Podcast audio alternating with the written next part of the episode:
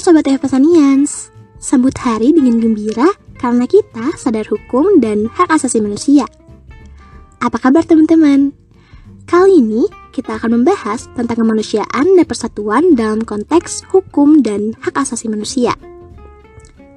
Pernah gak sih kalian dengar gimana hukum dan hak asasi manusia itu bisa berhubungan sama kemanusiaan dan persatuan? So, pasti berhubungan banget kan ya? Secara kemanusiaan dan persatuan itu tidak luput dari yang namanya hukum dan hak asasi manusia. Pasti hampir semua orang punya pemikiran yang seperti itu kan ya? Tetapi sebenarnya hukum dan hak asasi manusia itu bisa berhubungan sama kemanusiaan dan persatuan. Karena adanya dasar untuk terciptanya keberlangsungan peradaban manusia, ekonomi, politik, sosial, dan juga budaya.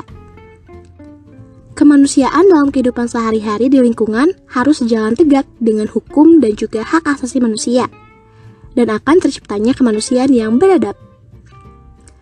Hukum dan hak asasi manusia ditegakkan dengan adil dalam kehidupan sehari-hari dalam suatu negara dapat memperkuat persatuan.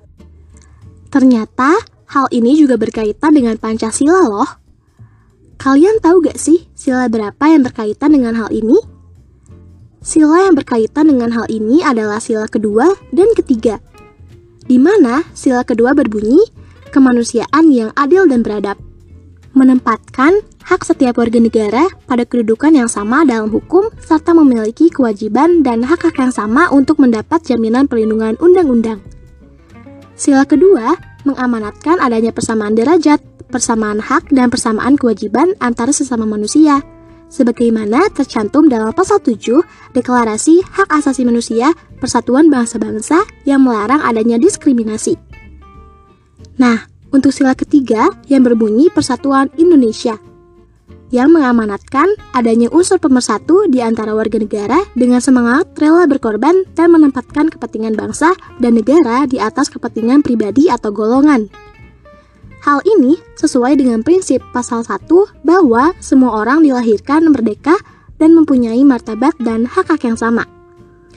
Mereka dikaruniai akal dan hati nurani dan hendaknya bergaul satu sama lain dalam persaudaraan.